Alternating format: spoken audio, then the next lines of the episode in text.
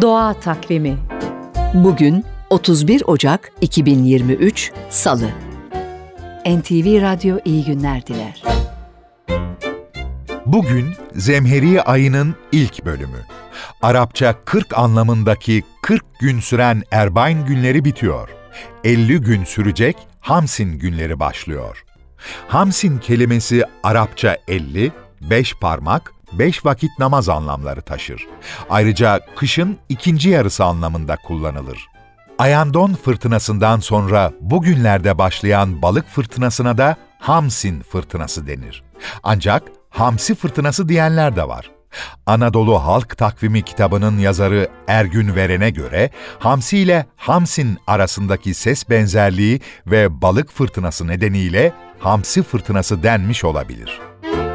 Doğa Takvimi